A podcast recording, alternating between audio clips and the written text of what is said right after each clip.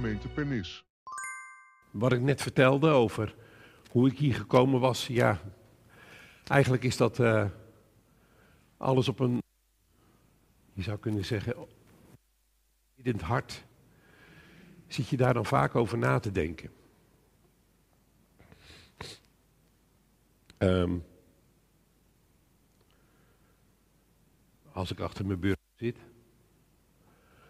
of als ik de was daar op te hangen. Um, ja, dat moet je als huisman soms ook doen, hè. Maar dan hebt dat door in je gedachten. En dan. Um,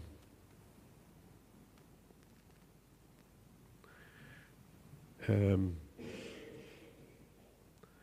dan, dan, komen de gedachten die. Zo ervaar ik meestal. Die God me op mijn hart geeft.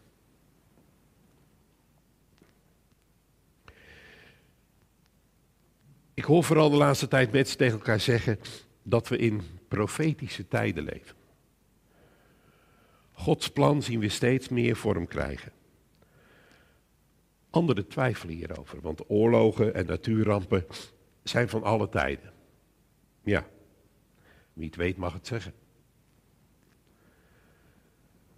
Maar van de week vroeg ik me af, is het nu heel belangrijk om te weten in welke tijd we leven?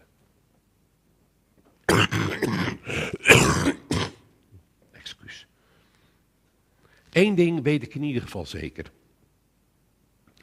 We leven in Gods perfecte tijd in deze imperfecte wereld.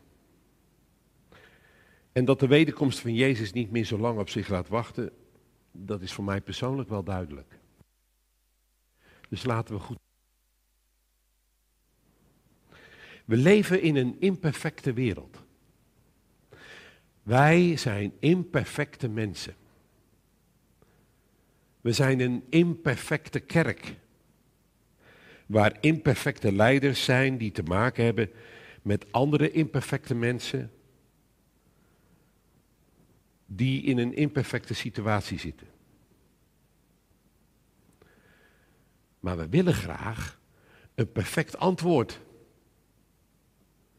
Maar welke weg die we met elkaar ook inslaan, is in meer, mindere of meerdere mate een imperfecte weg. Het lukt ons gewoon niet. De vraag is daarom dan ook niet welke weg is de meest perfecte weg. De vraag is welke weg kun je in geloof met God bewandelen, los van of dit profetische tijden zijn of niet, of we in de eindtijd leven of niet. Welke weg kan ik in geloof met God Het leven is dus imperfect, net zoals de mens. En daarom hebben we Gods genade en vergeving zo nodig. In den beginnen was alles perfect. En toen ging het al snel heel mis. En toch proberen we als perfecte mensen te leven. Misschien ken je de serie Schone Schijn met Mrs. Bucket. Als ze de telefoon opneemt met With Mrs. Bouquet, Lady of the House, dan druipt de schone schijn ervan af. Ik heb nog even op internet zitten kijken. Ik denk, eh, misschien moet ik wat, uh, één of twee van die korte momentjes even laten zien, maar ja, het was te veel om te kiezen. Um, en je met een glimlach ernaar te kijken. En dan denk je, ongelooflijk. Maar eigenlijk zit je naar jezelf te kijken. Er zitten toch heel veel herkenbare items in. Weliswaar zeer overdreven uh, en op een ludieke manier, maar herkennen ons vast wel typetjes die daar zijn neergezet. We proberen ons allemaal beter voor te doen dan dat we als je visite krijgt, dan ruim je net iets beter op. Dan koop je net iets lekkers bij de koffie dan dat je gewoond bent. Uh, plotseling langskomen, dat is er niet zo gauw bij. We dragen allemaal in zekere mate uh, het masker van de perfectie. Anders gezegd, we doen ons vaak beter voor dan we in werkelijkheid zijn. Dat zie je ook op Facebook, Instagram, Gram, uh, al die social media. Mensen zetten zich beter weg dan dat ze eigenlijk zijn. Schone schijn ten top. Zo kunnen we elkaar voor de gek houden. Maar God is niet voor de gek te houden. In Genesis 3 ging het al mis. Na de eerste zonde kwamen Adam en Eva erachter dat ze naakt waren en verstopten zich voor God toen hij ze riep. Vanaf dat moment was het perfecte imperfect geworden.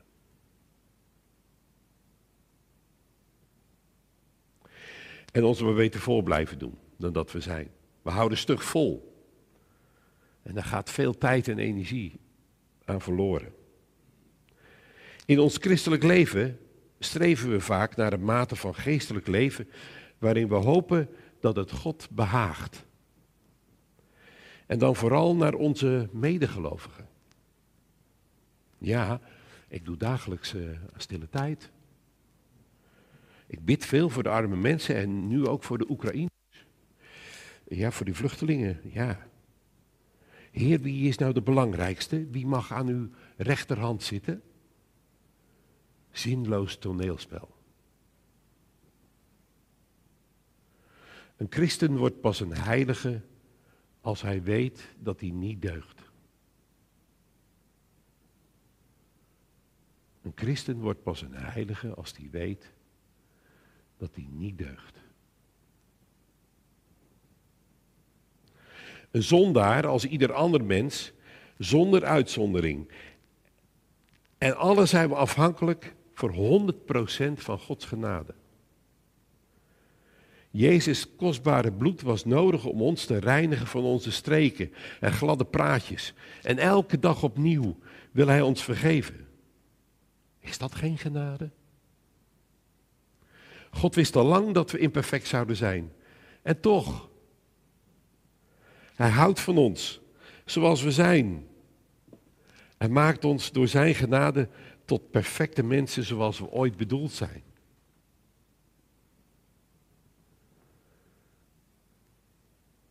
Als we naar het wereldgebeuren kijken.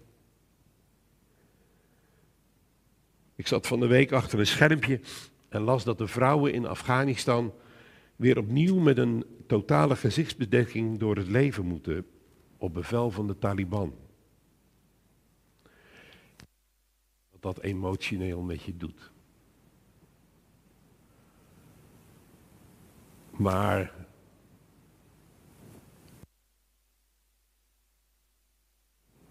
reactie van de vrouwen daar zie. Het volgende item was de speech van meneer Poetin.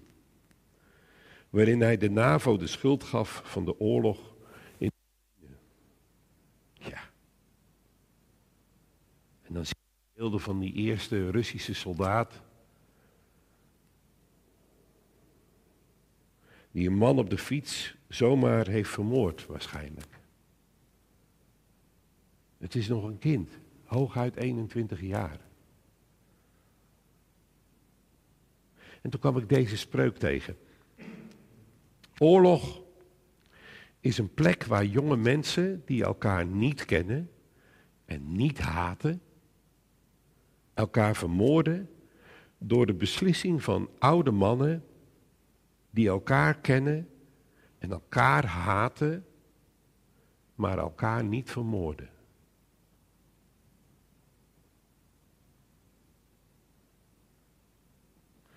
Ik weet niet hoe dit bij u binnenkomt, maar dit soort berichten, die maken me zo boos en verdrietig en vooral machteloos. Mensen die hun macht zo misbruiken om die macht aan anderen op te leggen dan wel te vermoorden. En het angstige is dat het zo geleerd is. Want die soldaat van 21, die ging twee weken daarvoor niet de grens over om weerloze mensen dood te schieten.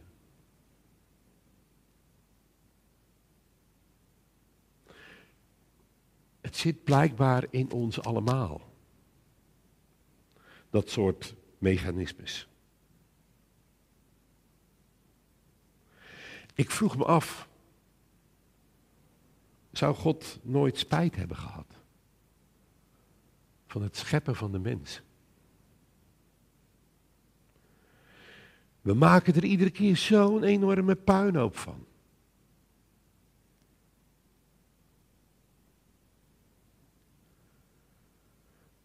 Maar als ik dan in sommige hoofdstukken van bijvoorbeeld Ezekiel lees, dan was ditzelfde toen ook al aan de gang. God, ik ben geen haar beter dan al deze mensen. Is het mogelijk dat u nog steeds van houdt, dat u nog steeds van mij houdt? Dat u uw, uw zoon als offer hebt gegeven? Het is wel het ultieme uh, uiting van genade. Ik wil het wereldgebeuren met al zijn imperfectie even laten voor wat het is. Ik zou graag nog wat willen inzoomen vanmorgen op ons eigen imperfecte leven. En dan niet zeer op dat van uw buurman of buurvrouw, maar naar ons eigen imperfecte leven. Vandaag de dag krijg ik het idee dat we in een maakbare wereld. Hier dichtbij huis dan, hè? In, in Nederland bijvoorbeeld. Alle gebrokenheid sluiten we buiten de deur. Ontkennen we uit. Moeilijke perioden in het leven mogen er eigenlijk niet zijn.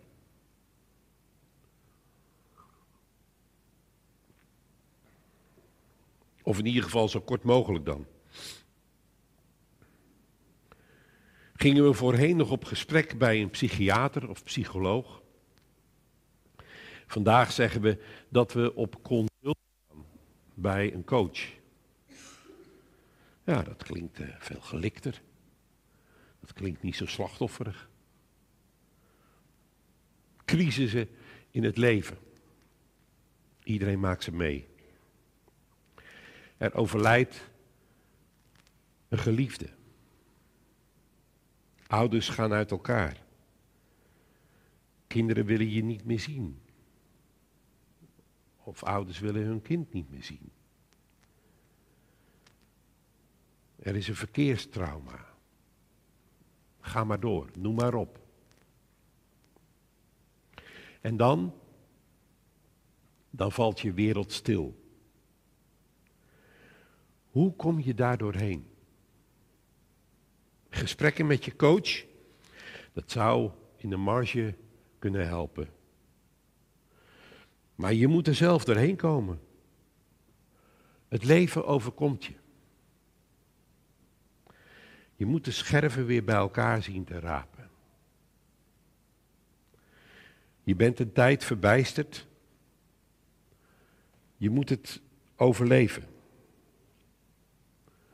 En waar is jouw God dan? Want het brengt je in de eenzaamheid. Even terzijde, uit eigen ervaring kan ik zeggen dat eenzaamheid een slechte vriend is.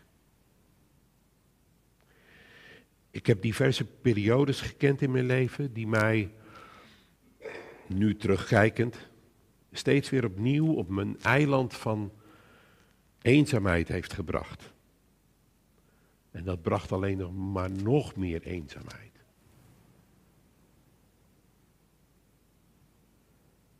Terugkijkend kan ik zeggen, in die eenzame momenten was God er wel bij. Al ervaarde ik dat niet. Niet iedere dag. Niet ieder moment.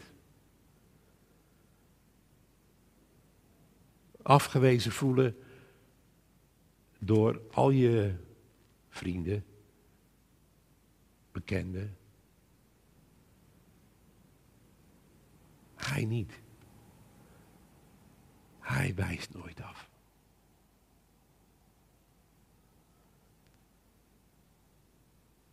Hij is daar altijd. Is dat niet geweldig?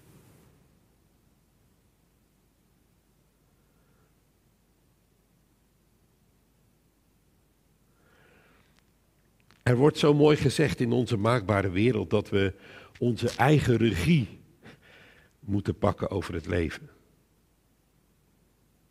Maar soms gaat het ook wat minder goed. Het leven met God kent ook zijn dalen naast de toppen. Ja, zonder die dalen zijn er geen.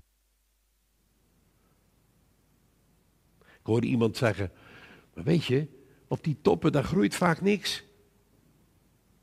In die dalen, daar zitten de bloemen. En als je in zo'n dal zit, zitten wij meestal bijzonder. Want op de top is het veel beter. Dan sta je in de volle wind, in de volle zon. Op de rotsachtige grond, er is helemaal niks. Bijzonder. We mogen, nee, we moeten leren omgaan met teleurstellingen. Want die zijn inherent aan het leven. Dat rijpt ons. Dat maakt ons ook, uh, je zou kunnen zeggen, meer volwassen. Ja, meer volwassen. Het brengt ons steeds weer terug bij God. Het maakt ons afhankelijker van God.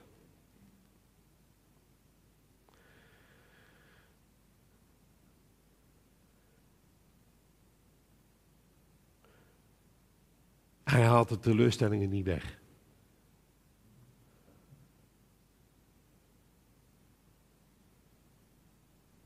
Het verlies van een dierbare zal hij niet opvullen.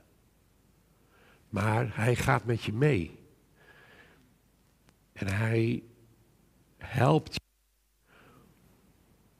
om met die leegte om te gaan.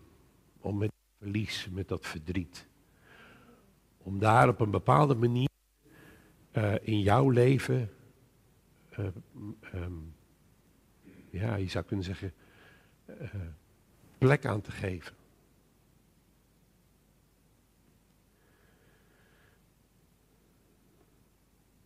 Even wat vragen. Moeten we uitblinken in het leven? Moet dat? Of mogen we ook gewoon ongelukkig zijn? Wanneer zijn we nou geslaagd? Even. Als we een goede positie hebben van het werk. Als we huisje, boompje, beestje op de orde hebben.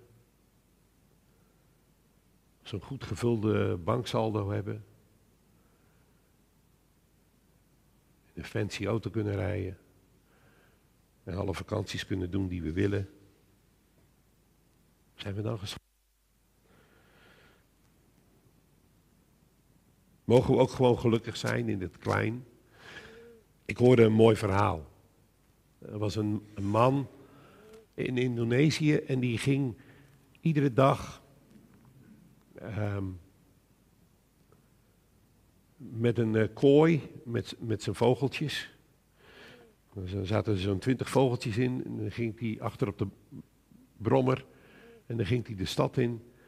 En dan naar scholen. Um, maar langs markten probeerde hij zijn vogeltjes te verkopen voor 10 cent. Zo kwam hij aan zijn levensbehoeften, zijn levensonderhoud. En met Pasen, dan had hij een spuitbusje en dan spoot hij ze allemaal geel.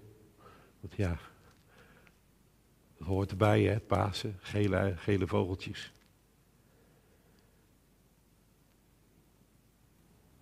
Hij zat geen oh, ach en weet te klagen. Hij had het prima. Leg dat eens naast je eigen manier van leven. Hoe meten we nou de waarde van ons leven? Wanneer is het geslaagd?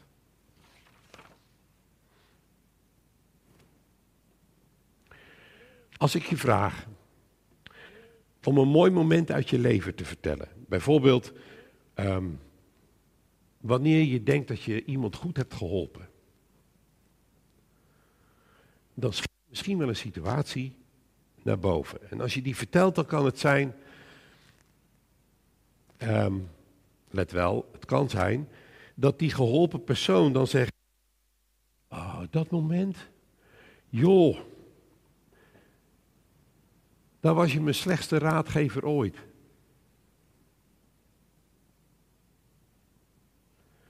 Jij maar denken dat je zo goed geholpen hebt.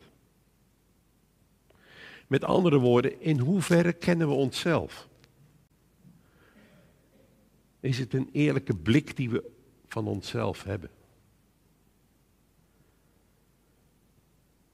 De meest vruchtbare momenten in je leven zijn waarschijnlijk die momenten die je je niet kunt herinneren. Want toen ging het om die ander en niet om jou.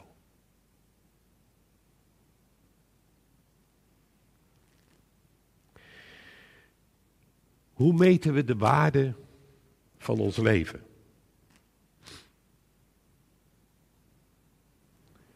Ik denk dat wij die kunnen meten. Maar God, die kent de waarde van ons leven. Leven uit genade is een bevrijdend leven. We er niet zo druk over te maken. Het is aan God. Ik heb de regie niet over mijn leven. Hij heeft de regie over mijn leven. Is dat geen rustgevende waarheid? Zorg goed voor je eigen ziel. Door dicht bij God te leven.